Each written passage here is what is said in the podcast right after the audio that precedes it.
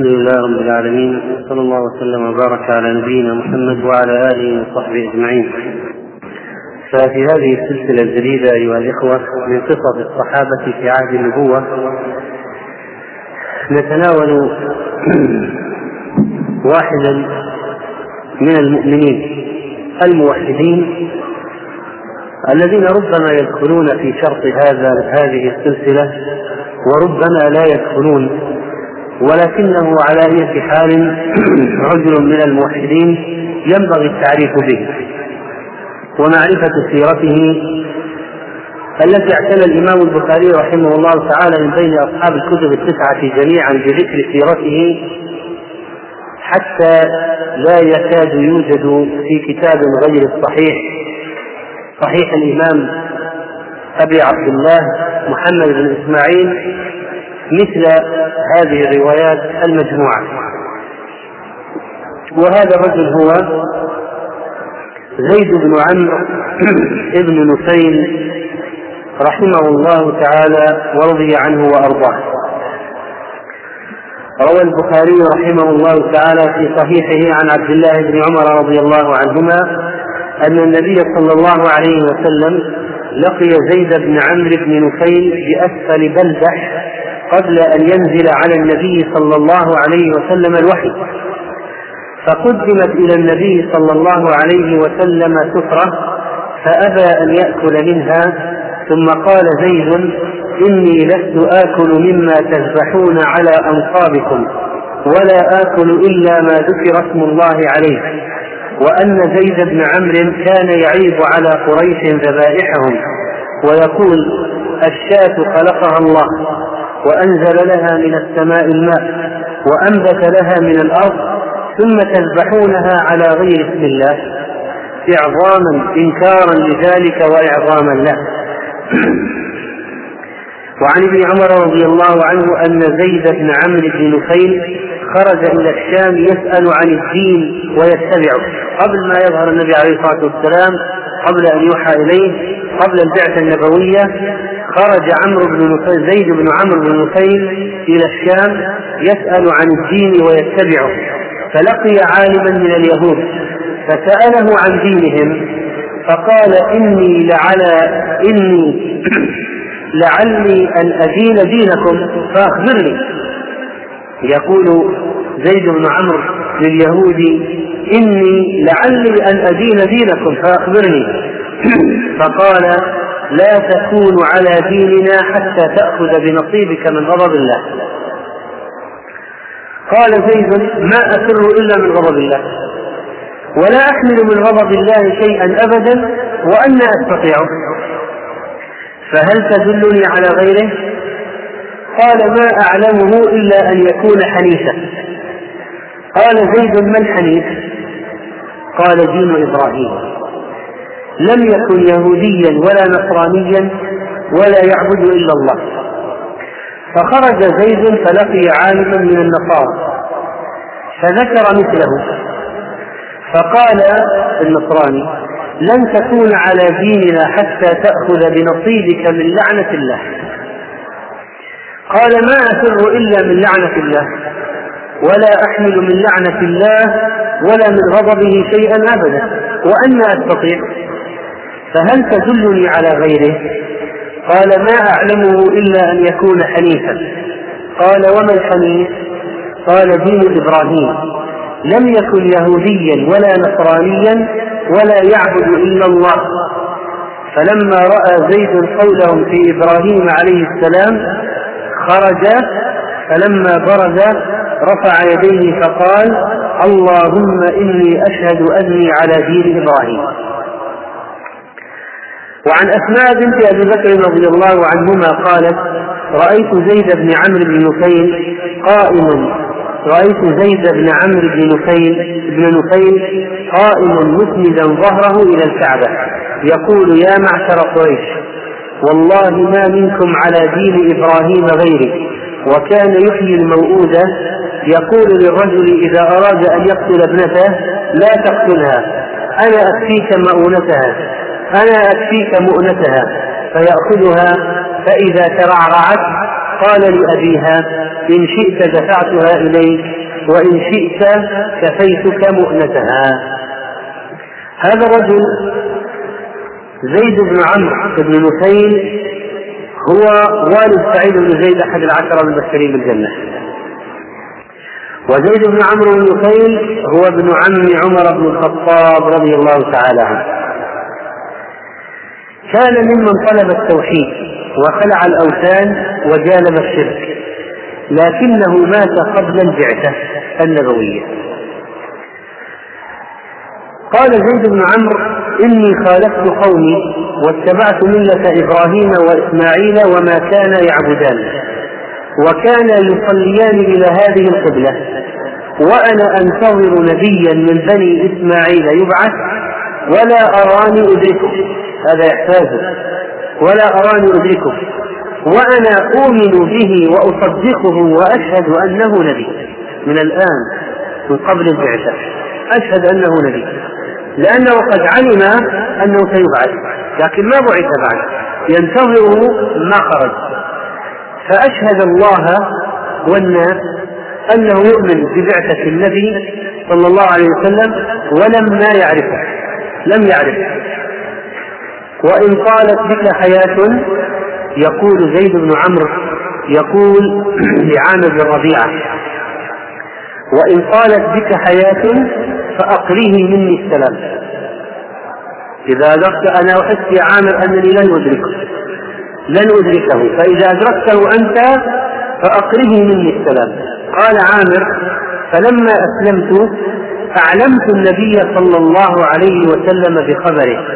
قال فرد عليه السلام وترحم عليه وقال ولقد رأيته في الجنة يسحب ذيولا ولقد رأيته في الجنة يسحب ذيولا مما أسبغ الله عليه من الثياب والنعيم.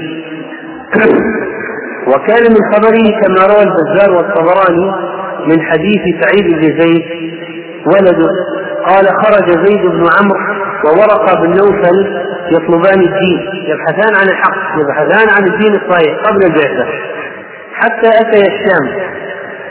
فتنصر ورقة ورقة بن نوفل دخل في دين النصارى لكن على التوحيد. موحد يعني تابع عيسى بن مريم. فتنصر ورقة وامتنع زيد فأتى فأتى الموصل. فلقي راهبا فعرض عليه النصرانية فامتنع وقد سأل سعيد بن زيد هو وعمر الخطاب باعتبار أن عمر بن عمه يهمه أمره أيضا.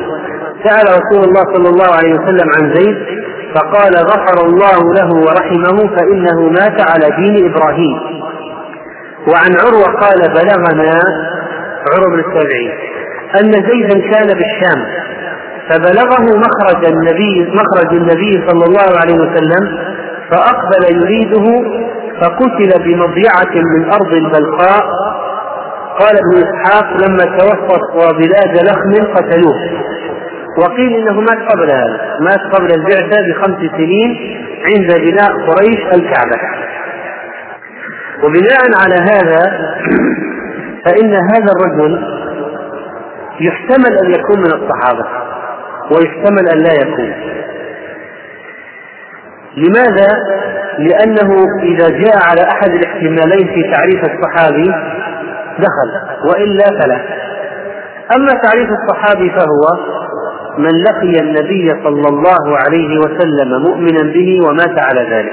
هذا تعريف الصحابي المختار. من لقي النبي صلى الله عليه وسلم مؤمنا به ومات على ذلك.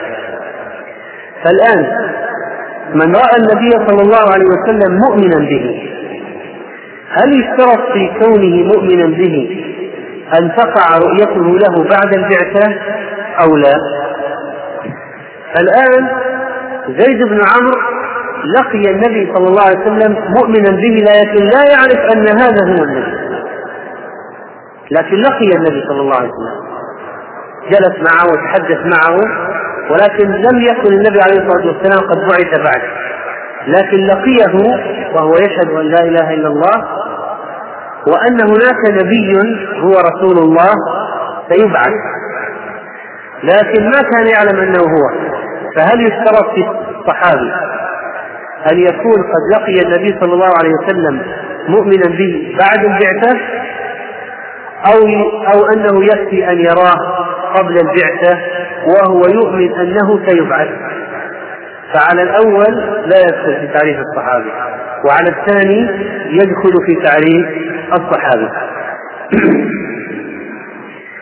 ولا شك أنه كان حنيفا مؤمنا موحدا رحمه الله ورضي عنه فإنه كان فإنه كان قد رفع يديه يقول اللهم إني أشهدك أني على دين إبراهيم.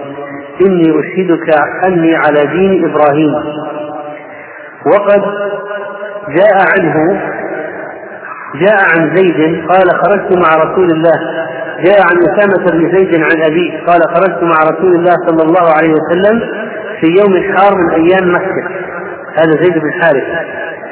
يقول وهو مردفي أنا وراءه. فلقينا زيد بن عمرو. فقال له يا زيد ما لي أرى قومك سبقوك؟ إلى أن قال خرجت أن أبتغي هذا الدين فذكر الحديث المشهور باجتماعه باليهودي وقوله لا تكون من ديننا حتى تأخذ من نصيبك من غضب الله وبالنصراني وقوله حتى تأخذ نصيبك من لعنة الله. وفي آخر الحديث إن الذي تطلبه قد ظهر ببلادك قد بعث نبي طلع نجمه وجميع من رأيت في ضلال.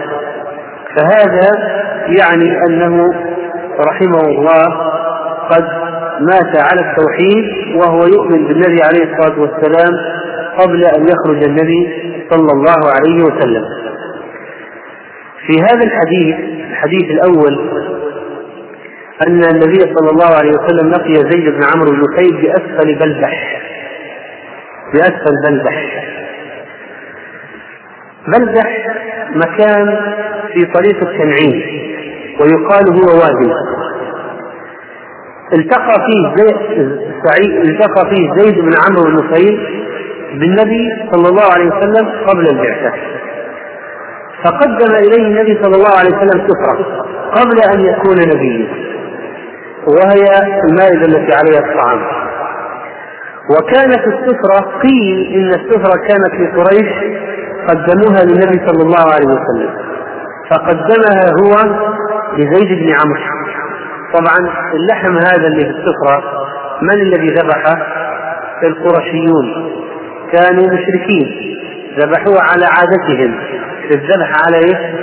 الأنصاب على الأوثان على الأصنام. لما قدم اللحم لزيد بن عمرو النفيل رفض أن يأكله. وقال إنا لا نأكل ما ذبح على أنصابكم. والانصاب جمع نصب وهي أحجار كانت حول الكعبة يذبحون عليها الأصنام. قيل إن النبي صلى الله عليه وسلم كان لا يأكل مما يذبحون عليها ويأكل ما عدا ذلك. وإن كان وإن كانوا لا يذكرون اسم الله عليه لأن الشرع لم يكن نزل بعد. فالطعام الذي قدم لزيد بن عمرو بن نفيل كان قد ذبح على النصب على الأصنام وهو يعلم كيف يذبحون. وكان موحدا لا يعبد إلا الله. وزيد بن عمرو يفهم أن الذبح عبادة. وأنه ما دام ذبح على النصب فلا يجوز أن يؤكل لأنه شرك. وهو موحد على ملة إبراهيم على ملة إبراهيم. ولذلك رفض ولذلك رفض زيد بن عمرو بن أن يأكل. رفض أن يأكل. ويقول وكان يقول عدت بما عاد به إبراهيم ثم يخر ساجدا للكعبة. ما يعرف كيف الصلاة ولا الركعات ولا الأوقات. لكن يعرف أن السجود تعظيم وأنه يعبد الله فكان يسجد للكعبة التي بناها إبراهيم لله عز وجل. ساجدا لله عز وجل إلى جهه الكعبة. هكذا كان يفعل. فمر النبي صلى الله عليه وسلم وزيد بن حارثة مر مر زيد بن عمرو بزيد بن حارثة والنبي صلى الله عليه وسلم وهما يأكلان فدعياه فقال يا ابن أخي لا آكل مما ذبح على النصب قال زيد بن حارثة فما رؤي النبي صلى الله عليه وسلم يأكل مما ذبح على النصب من يومه ذلك؟ وجاء أيضا أن النبي صلى الله عليه وسلم لقيه وكان على بقايا دين إبراهيم الذي كان في قريش وكان في شرع إبراهيم تحريم الميتة وتحريم ما ذبح على النصر. فكان زيد يفهم أنه لا يجوز له أكلها ولذلك امتنع عن أكلها. امتنع عن أكلها. وكذلك فإنه كان من أمره أنه خرج يسأل عن التوحيد. يبحث أين دعوة التوحيد؟ فلقي عالما من من اليهود كما جاء في القصة وسأله وكان هذه وكانت هذه القصة مما جاء أن النبي صلى الله عليه وسلم سمعها من زيد بن عمرو. وقال له ما لي أرى قومك قد شنفوا عليك يعني أبغضوك النبي عليه الصلاة والسلام يسأل زيدا قبل البعثة. ما لي أرى قومك قد شنفوا عليك يعني أبغضوك قال خرجت أبتغي الدين فقدمت على الأحبار فوجدتهم يعبدون الله ويشركون به. لقي اليهودي قال لن تدخل في ديننا حتى تأخذ من نصيبك غضب بنصيب من غضب الله. والنصراني لقي عالما من النصارى. في رواية قال لي شيخ من أحبار الشام إنك لتسألني عن إنك لتسألني عن دين ما أعلم أحدا يعبد الله به إلا شيخا بالجزيرة قال فقدمت عليه. فقال إن الذي تطلب التوحيد أو الأصل التوحيد قد ظهر ببلادك وجميع من رأيتهم في ضلال وفي رواية وقد خرج في أرضك نبي أو هو خارج فارجع وصدقه وآمن به. قال زيد فلم أحس بشيء بعد. فإذا هذا يدل على أن زيد رجع إلى الشام فبعث النبي صلى الله عليه وسلم فسمع به فرجع ومات. لكنه لم يدركه. هذا لما خرج لما بحث في الشام لما برز وخرج من أرض من أرضهم قال اللهم إني أشهدك أني على دين إبراهيم. وكان يقول لقريش ما منكم على دين إبراهيم غيري. وفي رواية كان يقول إلهي إله إبراهيم وديني دين إبراهيم. وكان قد ترك عبادة الأوثان وترك أكل ما يذبح على النصب وفي رواية ابن إسحاق أنه كان يقول اللهم لو أعلم أحب الوجوه إليك لعبدتك به. يعني لو أعلم أحب الطرق التي تحب أن تعبد بها. كيفية عبادة عبادة معينة وجه معين من أوجه التعبد لعبدتك به. ولكني لا أعلمه ثم يسجد على الأرض براحته. وكان من سليم أخلاق هذا الرجل. أنه كان يحيي الموءودة كما جاء في الحديث. والمقصود بإحياء الموءودة يعني إبقاؤها حية. وإلا فلا يحيي من, من الموت أو لا يحيي من العدم إلا الله. معنى يحيي الموءودة يعني يبقيها على قيد الحياة يفتديها أن تقتل يمنع عنها القتل. ووأد الشيء إذا أثقل وأطلق على دفن البنات وهن على قيد الحياة. ويقال إن أصل هذا كان نتيجة غيرة على الجنس لأن بعض العرب وقع أن وقع له أن سبيت ابنته. سباها واحد آخر من العرب. واحد من العرب أغار على واحد من العرب وسبى ابنته واخذها فاستفرشها ووطئها وصارت عنده. فلما أراد أبوها أن يفتديها منه فخيرها الذي سباها قال تريدين أن ترجعي إلى أبيك أو تبقي عندي. فاختارت الذي سباها. كل هذا الكلام في الجاهلية فحلف أبوها لما رأى هذا حلف ليقتلن كل بنت تولد له. قال ما دامت هذه استغنت عني واختارت الذي سباها كل بنت تأتيني سأقتلها جاهل جاهل.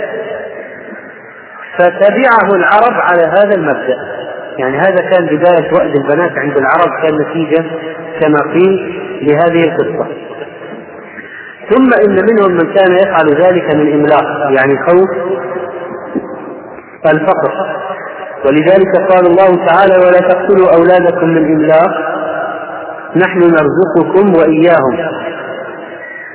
فكان العرب يأذون بناتهم خشية الفضيحة وخشية الإملاق. ويقولون الذكر الولد الابن يدافع عن نفسه ويدافع عن أهله ويعين أباه ويعمل ويكسب ويطيب والبنت هذه ضعيفة. فإما تسبى فتصبح عارا علينا أو أنها أيضا تكون عالة علينا. فإما عار وإما عالة. فالحل ما هو عندهم؟ قتله البنات وإزهاق أرواحهن وكانوا يقتلونهن بطريقتين. الطريقة الأولى أن تأتي المرأة الحامل على وشك الوضع إلى حفرة تحفر فتكون عند الحفرة وتأتي القابلة التي تستلم المولود فتولد المرأة فإذا خرج ذكرا أبقته وإذا خرجت أنثى في الحفرة مباشرة والطريقة الثانية أن بعضهم كان يستأني بها وينتظر ما ما يدفنها مباشرة فإذا بلغت سبع سنين قال لأمها زينيها لأزور بها أقاربها. فإذا زينتها وجملتها أخذها في الطريق إلى بئر. ثم قال انظري فيه فإذا نظرت دفعها من خلف فوقعت على رأسها وصم عليها الحجارة والتراب وتموت وإذا بشر أحدهم بالأنثى ظل وجهه مسودا وهو كظيم. يتوارى من القوم من سوء ما بشر به. أيمسكه على هون ذل هوان أم يدسه في التراب؟ هذا حكمهم ألا ساء ما يحكمون. وجاء الله تعالى بالإسلام وحرم وأد البنات وقتل الأولاد عموما لأي سبب لا يجوز قتل الولد.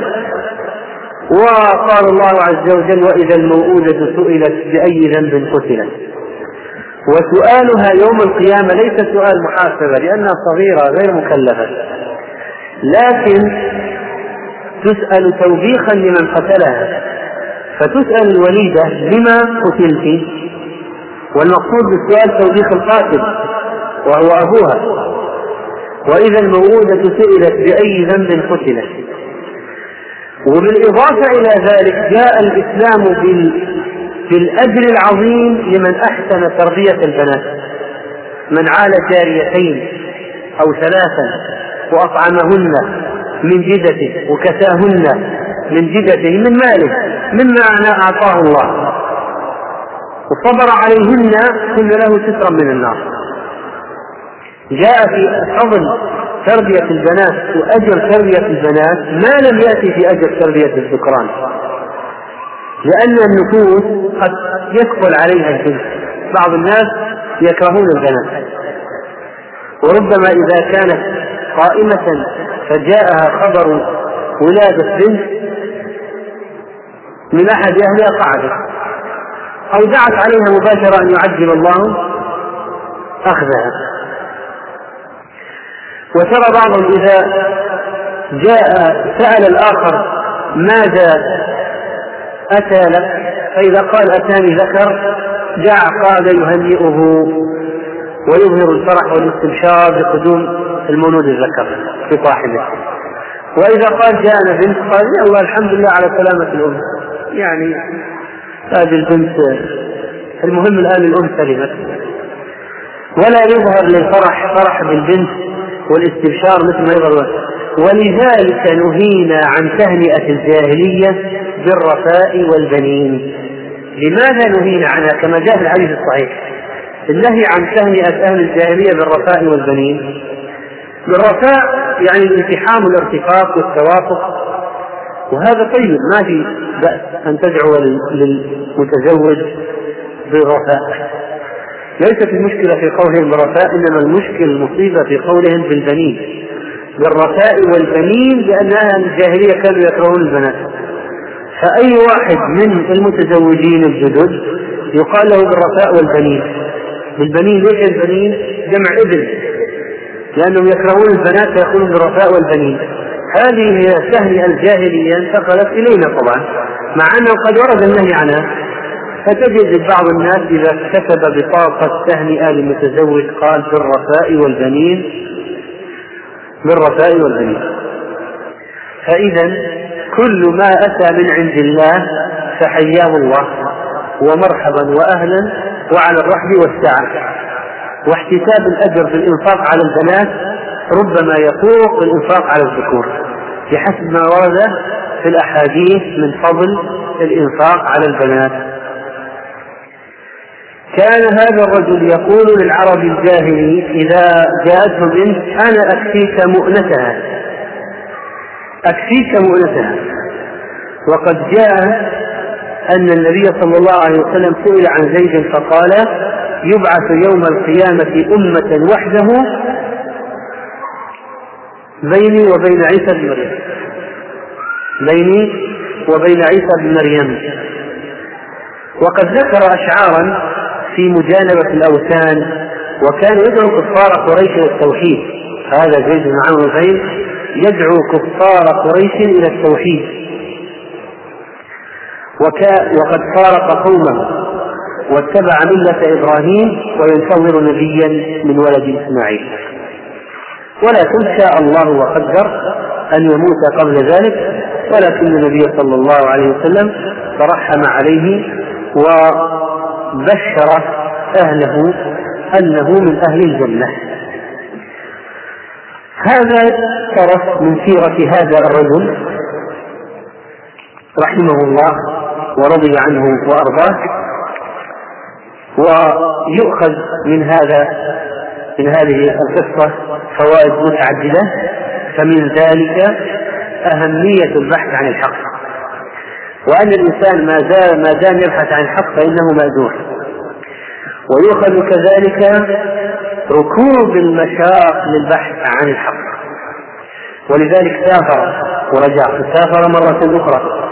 وكلما دله شخص على شخص ذهب إليه وسافر إليه يبحث عن الحق. كل ذلك بحثا عن الحق. وفيه كذلك استعمال الدعوة مخاطبة العقول في الدعوة. استعمال مخاطبة العقول في الدعوة.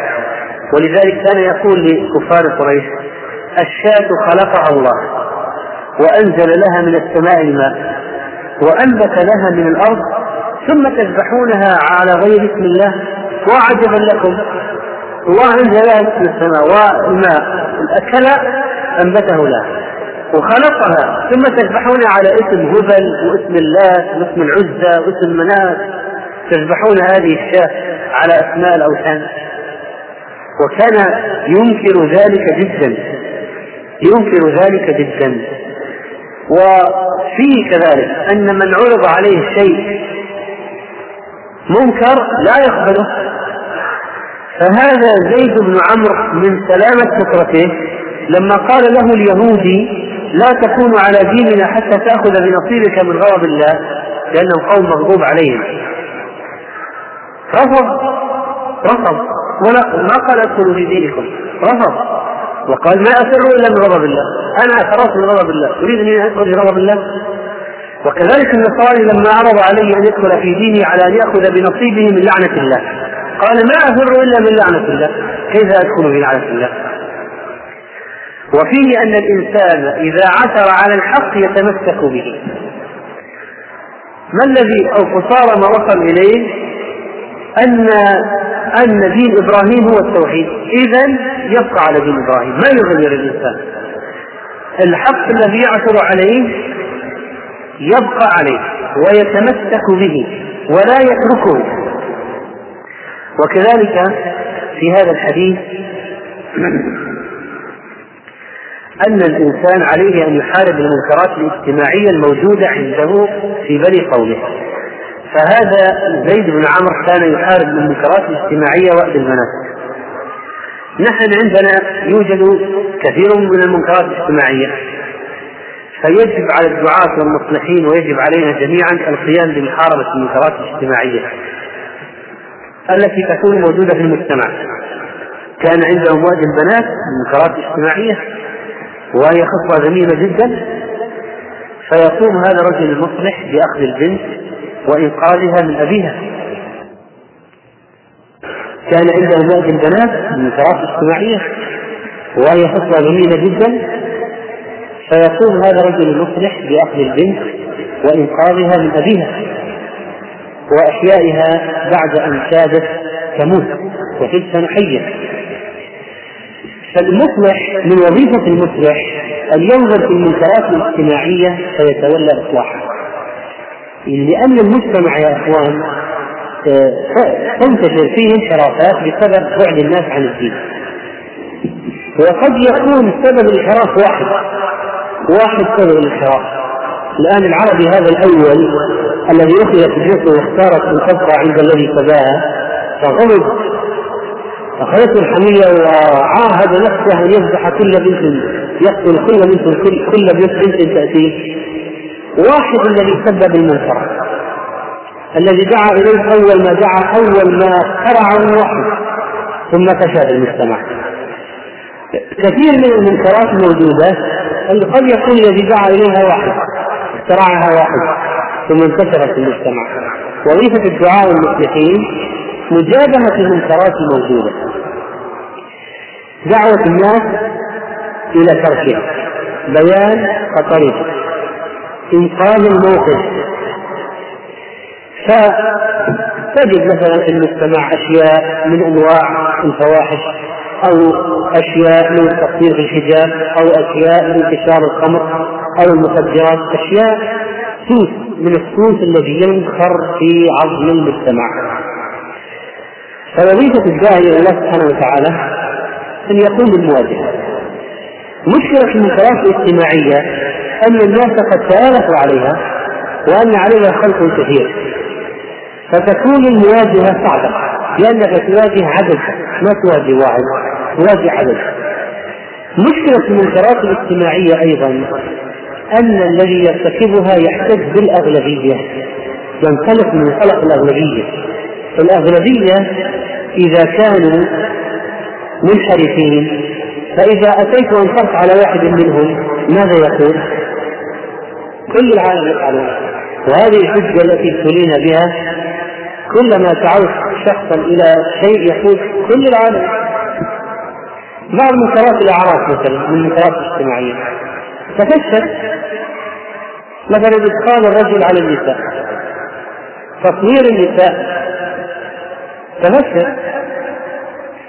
ما الذي إذا جئت تنكر كل كل الأعراف هكذا كل الناس يفعلون. هذه الناس منكرات اجتماعية كل الناس يفعلونها ولذلك فينبغي الصبر. وأن نبين للناس أن الأكثرية ليست دليلا على الحق. وهذا مبدأ مهم جدا. ولذلك يقول الله تعالى في سورة يوسف وما أكثر الناس ولو حرصت المؤمنين. ويقول عز وجل وإن تطع أكثر من في الأرض يضلوك عن سبيل الله. فعمر الأكثرية ما كانت دليلا على الحق.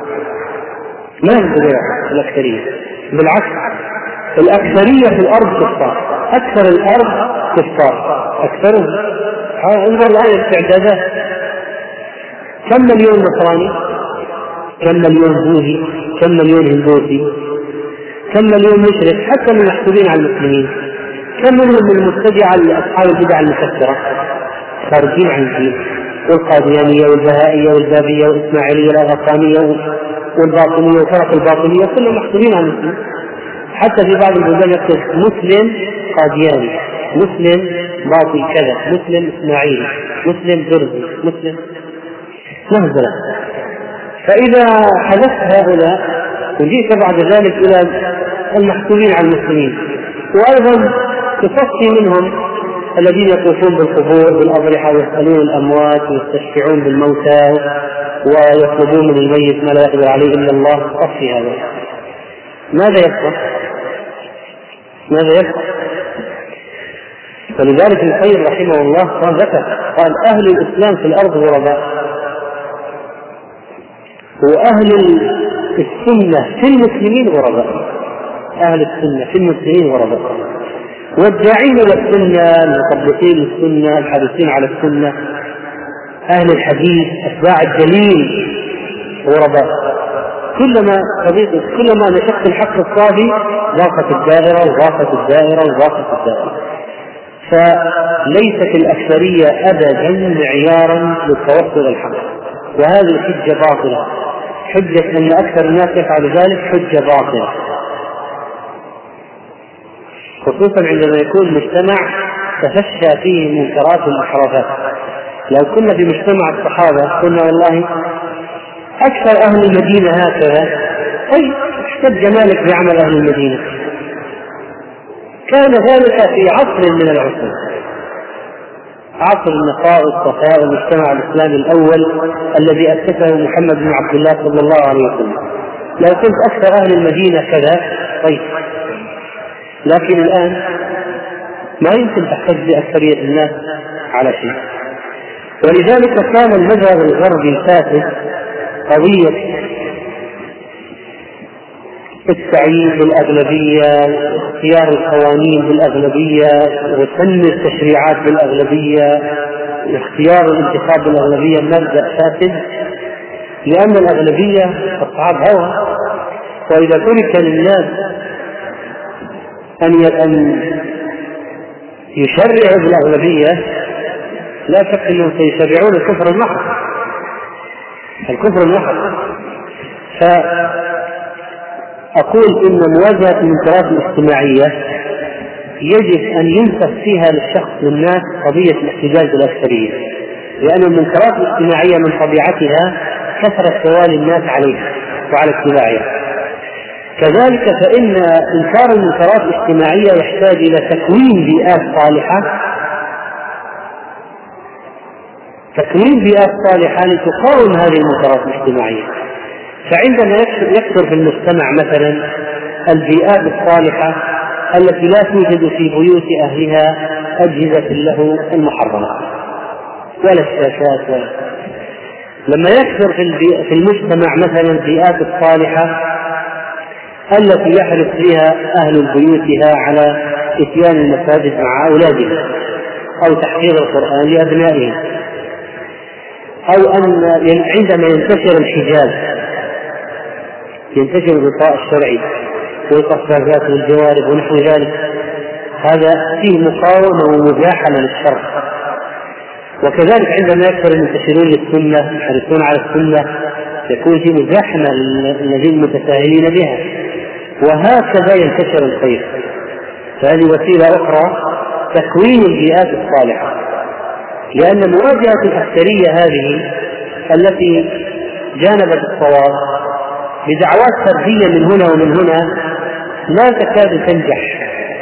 أما مواجهتها بتأسيس بيئات قوية هي بذاتها تكون دعوة بالقدوة وعندما يرى الناس النموذج مطبق الناس عندما يرون النموذج مطبقا هذه خير دعوة. وأحسن من ألف خطبة وألف كتاب وألف شريط وألف واحد يتكلمون لما يرى الناس النموذج مطبق ثم إن هذه البيئات النظيفة تستقطب من فيهم بذرة خير يأتون إليه ولذلك تقول مثلا مراكز تحفيظ القرآن الكريم مثلا للنساء على سبيل المثال. عندما توجد البذرة يوجد المجتمع يكون مجتمع مصغر فيه العلم وحفظ القرآن والوعظ والتذكير هذا هو الذي يصلح مجتمع إدخال الناس فيه هو الذي يصلحهم. يصلحهم إقامة البيئات التي تجذبهم إقامة البيئة التي تقهرهم إقامة البيئة التي تحتويهم. إقامة البيئة التي تحميهم. إقامة البيئة التي تعلمهم. إقامة البيئة التي تساندهم وتقويهم إذا اهتدوا. يجد الواحد سند عنده اثنين ثلاثة أربعة عشرة من المتزينين على مثل حاله. فعند ذلك سنشد عضدك بأبيك عند ذلك تكون يكون المواجهة قوية مثمرة. وإلا نجلس على جهود على فرد أفراد وعلى كلام فهذا لا يكون لا يكون من المقاومة ولا من الاستمرار على الحق إلا بأمر في هذا وهذا مثال يعني زيد بن عمرو واحد. ورقة بن واحد قصة بن ساعدة واحد. آحاد كانوا ما عملوا شيء. من ناحية التغيير من ناحية التغيير ما استطاعوا أن يصلوا للتغيير لكن النبي محمد صلى الله عليه وسلم لما بعث أقام المجتمع الإسلامي الذي ترابط أفراده وتعاقد أفراده تعاهد أفراده تعاونوا على البر والتقوى الذين أقاموا الدين في أنفسهم الذين برهنوا للناس للمجتمع قريش أن أن الإنسان يتغير ويرونه النماذج أمامهم. عندما ترى ترى المرأة المشركة التي جعل خبيب عندها أسيرا في بيتها ترى ولدها يدب الرضيع إلى خبيب خبيب سيقتل سيقتل حتما. محكوم عليه بإعدام الطفل هذا ولد المشركة جاء إلى خبيب أخذه خبيب وقعده في حجره جلس يلاطفه انتبهت المرأة فزعت يعني الآن كان بيد خبيب موسى يستحد بها يعني الختان يعني الاستحداد حل شعر العانة فهو استعار موسى ليستحد بها وهذا من سنن الفطر بقيت عنده موسى وهو موسى. دب إليه الولد فقعد أقعده عنده وبيده موسى. المرأة لما انتبهت فزعت رعبت. لأن هذا محكوم عليه بالإعدام الآن فرصة أن ينتقم وبيده يوصل هذا الولد. طفل فماذا؟ ماذا قال؟ نفت هذه الفكرة في رأسه أتظن أنه سيقتله؟ كلا. قالت والله ما رأيت أسيرا خيرا من خبيب كان بمكة كان يأكل قطفا من عنب وما بمكة عنب. وهذه طبعا من كرامات أولياء الله. قط عنب في عند خبيب بمكة يأكل منه مكة ما فيها عنب البتة. لكن كرامة الأولياء قبل أن يموت خبيب ويقتل شهيدا رضي الله عنه. إذا الناس لما يرون النموذج يتأثرون يقتنعون يقتنعون. وقد لا يطبق في البداية لكن تبقى المشاهدة في نفسه بانتظار الوقت المناسب تظهر وعلى شكل تمثيل لما استقر في النفس من التأثر المطلق. هذا والحمد لله رب العالمين يقول السؤال هنا شخص ينوي أداء العمرة بعد العيد ويرجع إلى المنطقة الشرقية وعنده نية اداء الحج وعنده نية اداء الحج هل يعتبر متمتعا؟ الجواب أن التمتع ينقطع بالعودة إلى بلده فإذا اعتمر في شوال وشوال من أشهر الحج فإن التمتع ينقطع إذا رجع إلى بلده.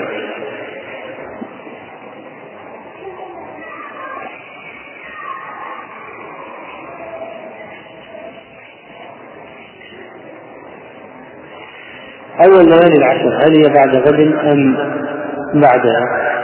ليلة 21 هي أول ليالي العشر.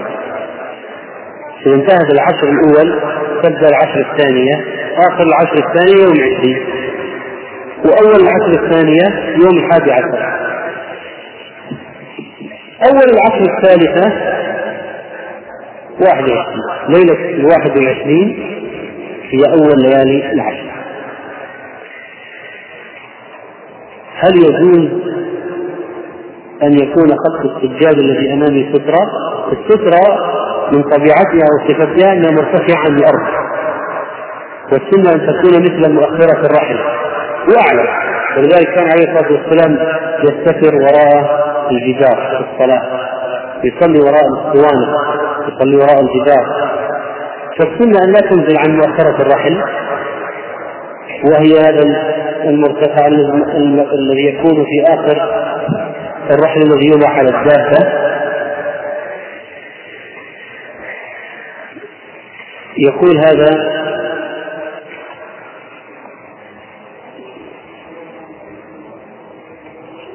بالرفاه والبنين أو بالرفاه والبنين. لا بالرفاه والبنين لأن البنين معطوفة على الرفاه والرفاه مجرورة بالباء. فكان يقول بالرفاه وبالبنين. أصيب الوالد بنزيف في الدماغ وهو الآن صريح الفراش وعقله ليس كاملا وأحيانا يكون في حال جيد وأحيانا في حال سيء. إذا رجع إليه عقله صلى وإذا كان يقدر على الصيام صام.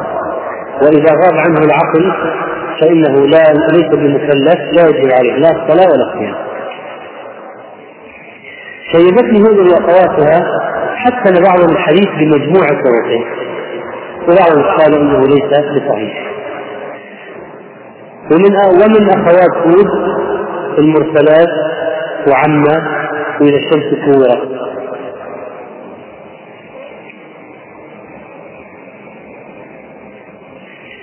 العقيقة ذبيحة تذبح يوم السابع. شكرا لله على نعمة المولود وفكا لأسر الشيطان وتأثير الشيطان عن المولود. يعني من فوائد العقيقة قال كل غلام مرتهن بعقيقته. مرتهن يعني أن الشيطان له نوع تسلط على المولود فينفك التسلط ويظهر تأثير إبليس بذبح العقيقة. هذه من فوائدها. غير أنها طاعية للمساكين يهدى منها إليهم. وإذا احتاج إلى كسر عظامها كسرها وقال بعض العلماء إنها لا تكسر. والحديث في النهي عن كسرها ليس بصحيح وقال بعض العلماء أو ذهب العلماء إلى أنها تقاس على الأضحية فتكلف أثلاثا يأكل الثلث ويهدي الثلث ويوزع الثلث يتصدق به على الفقراء. هل يؤخذ من قصة عمرو بن زيد بن نفيس؟ هو زيد بن عمرو أن الحجة قائمة على قريش قبل بعثة النبي صلى الله عليه وسلم وأن من مات منهم مشركا بالله دخل النار؟ الجواب نعم. هذا من الحجج أن قريشا قد أقيمت عليهم حجة وأن دعوة إبراهيم الخليل معروفة عندهم وأن التوحيد معروف عندهم. ولذلك كان أبو طالب عبد المطلب وأبو النبي صلى الله عليه وسلم وأمه لم يموتوا على التوحيد. فكفار قريش الذين مات منهم حتى قبل البعثة كان التوحيد معروف هم الذين اختاروا الشرك.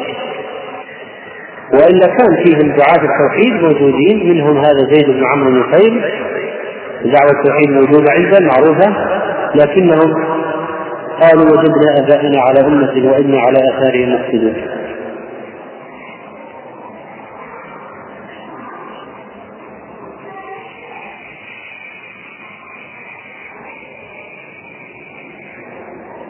رجل صلى خلف إمام في الصلاة الرباعية وسلم الإمام ناسيا في التشهد الأول. هل يقوم المأموم ويكمل الصلاة أم أنه يسلم مع الإمام؟ لا يسلم ولا يقوم. وإنما يسبح حتى يقوم الإمام يكمل الصلاة ويكملها معه. فإن أبى الإمام إكمال الصلاة أكمله الصلاة. ما حال ورقة بن هو في الجنة. هو مات على التوحيد يعني دخل دين النصرانية على التوحيد. وهو الذي أحس ببعثة النبي صلى الله عليه وسلم وهو الذي آمن بالنبي صلى الله عليه وسلم. قال وإن وإن أنصرك نصرا مؤزرا. وإن أدرك يومك أنصرك نصرا مؤزرا. إذا بعثت أنا حي تعهد بنصرتك قال هذا الناموس الذي أنزل الله على موسى. عرف يعني ورقة بن نوفل أدرك أول الوحي أول الوحي أدرك. لأن النبي صلى الله عليه وسلم لما رجع يقول زملوني زملوني ورجع مرتاعا مما رأى من منظر جبريل ولما أمسكه وغطه حتى بلغ منه الجهد. رجع النبي صلى الله عليه وسلم وقامت خديجة إلى ورقة بن نوفل فأخبرته فجاء وصدق بما حصل النبي صلى الله عليه وسلم وأن هذا أول النبوة وأول الدين. لكن ورقة ما نشد أن توفي. قبل أن يقول النبي صلى الله عليه وسلم بالدعوة. فهو من أهل الجنة. مات على التوحيد.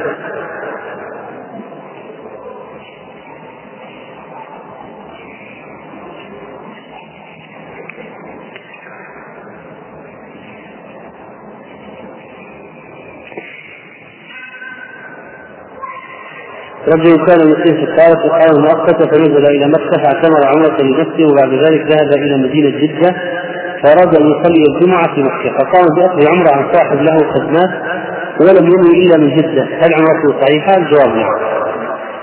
لأنه ما جاءته النية إلا في جدة.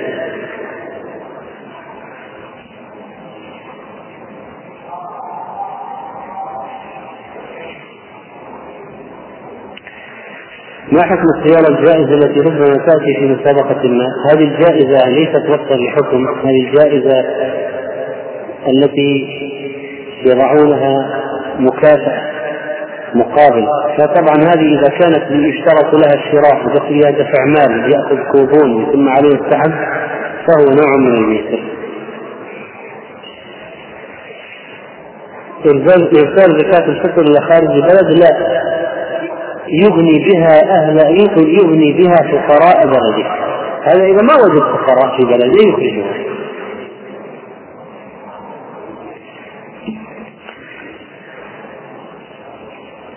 ما حكم السلام على غير المسلمين مثل الهندوس؟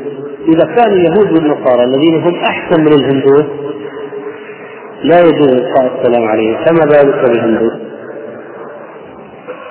الذين إذا وجد الواحد منهم حذاء أخيه عند زوجته ترك الباب البيت ورجع. والعياذ بالله. يعني عنده وطن المحارم وطن زوجة الأخ حال. وأن الأخ إذا جاء إلى بيته ووجد أخاه نائما عند زوجته يترك ويرجع لا لا يجوز عندهم أن يطلق راحته راحته عند أخيه عند زوجته. وطبعا يكفي أنهم يقولون إن المسخرة التي المهزلة التي عندهم. قالوا إن الله تعالى الله عن قولهم حل في بقرة لكن ما ندري أي بقرة. ضاعت البقرة. في الحل ان نعبد جميع البقر لأن واحدة من البقر هذه الاله حل ابتكارات فلذلك هؤلاء عباد البقر وهؤلاء الذين احتج بهم الاغاني الاغاخان هذا لما قيل له إن الطائفه يعبدونه قال إذا كان الهندوس يعبدون البقر ألست أحسن من البقر؟ يعني أنا أولى بالعبادة من البقر. هؤلاء كلهم في ضلال مبين. فالشاهد أن هؤلاء لا يجوز إلقاء السلام عليهم ابدا. ومعروف اضطهاد للمسلمين قتل المسلمين وهدم لمساجد المسلمين واعتداء على المسلمين واستغفالهم للمسلمين في بلدهم. ولذلك فهم اعداؤنا أعداء الله. أما اليهود والنصارى فإذا فنحن لا يجوز لنا أن نبداهم بالسلام. لقوله صلى الله عليه وسلم لا تبدأ اليهود والنصارى بالسلام. لا تبدأوا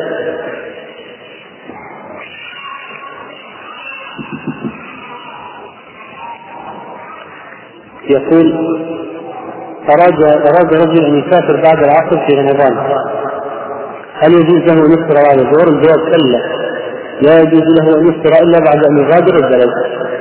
فإذا فارق بنيان البلد أفطر قبل ذلك لا يجوز له أن يفطر هذا مذهب جمهور أهل العلم وكذلك الذي دل عليه حديث جابر في إفطار النبي صلى الله عليه وسلم بعسفان بعد ما خرج من المدينة.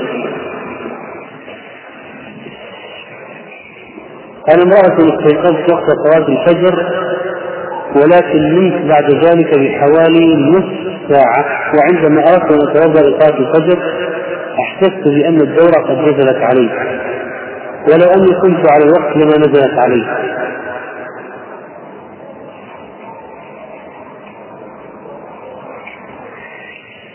طيب. إذا هي إذا كانت تقول إذا كانت تقول إنه قد طلع عليها الفجر وهي طائر ولكنها لم تبادر إلى الصلاة فورا انتظرت نصف ساعة. ثم نزلت الدورة فهل تقضي أو لا تقضي؟ فالعلماء في هذه المسألة ثلاثة أقوال. منهم من قال إذا دخل وقت الصلاة على المرأة وهي طاهر ثم حاضت فإنها تقضي بعد ذلك إذا طهرت. بعد انتهاء الدورة تقضي تلك الصلاة التي دخل عليها وقتها وهي طاهرة وحاضت أثناء الوقت ومنهم من يقول إنها لا تقضي ومنهم من يقول إنها إذا تراخت وأخرت الصلاة ونزلت الدورة في آخر الوقت. وهذه ما صلت فعليها القضاء. وأما إذا جاءت الدورة في أول الوقت فليس عليها القضاء كأن شيخنا الشيخ عبد العزيز قد مال إلى هذا في بعض فتاويه بالتفصيل إذا جاءت الدورة في أول الوقت لا تقضي إذا جاءت في آخر الوقت تقضي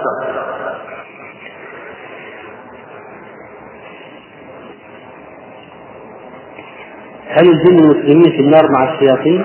كيف؟ أفنجعل المسلمين كالمجرمين؟ ما لكم كيف تحكمون؟ هؤلاء في الجنة لا شك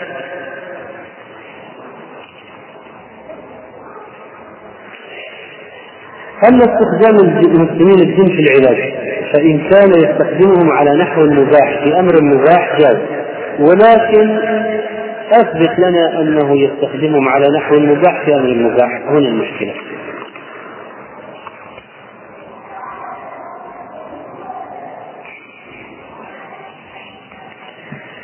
يقول السؤال هل يلزم الوضوء عند كل أذان لكل صلاة؟ الجواب لا لكن يستحب يستحب.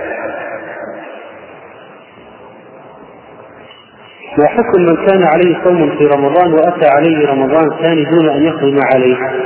عند ذلك يلزمه كفارة للتأخير إطعام مسكين نصف صاع من قوت البلد. مثلا كيلو نصف من الرز. يطعم مسكينا كفارة للتأخير مع القضاء. امرأة تأتيها العادة الشهرية أكثر من عشرة أيام فنرجو توضيح ذلك وما هي المدة للعادة الطبيعية للمرأة؟ أكثر ما تعد أكثر ما يكون عند النساء ستة أو سبعة أيام. أكثر في الغالب. ولكنها قد تزيد. فما لم تبلغ خمسة عشر يوما فهي عادة. يعني لو أن امرأة عادتها أحد عشر يوما اثنا عشر يوما ثلاثة عشر يوما أربعة عشر هذه عادة.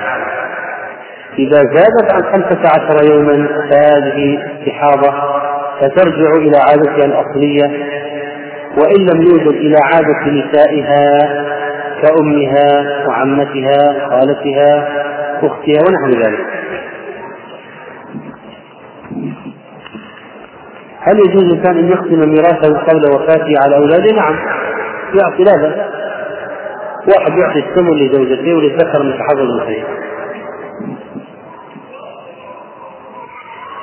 عند موت الصالحين والأنبياء والشهداء يدخلون الجنة بأرواحهم وأجسادهم أم بأرواحهم فقط؟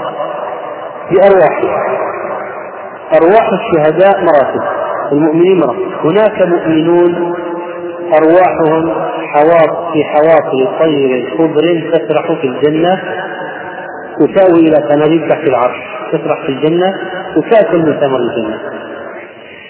طيب هناك مؤمنون أرواحهم تعلق في شجر الجنة. هناك نوع من الشهداء أدنى منزلة من الشهداء الأولين أنهارهم عند بارق نهر في باب الجنة. فالأرواح تذهب وتأتي وتطير وتدخل الجنة.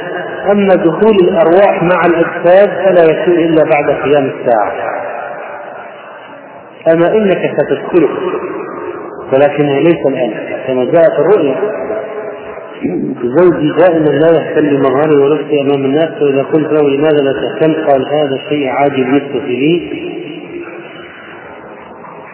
ويعلم الله انني اتضايق منه بسبب هذا الاهمال الزائد ولكنه مؤمن مؤمن في شخصيته.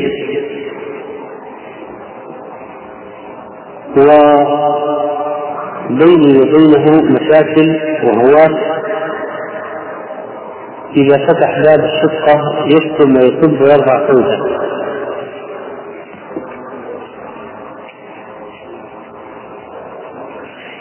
طيب.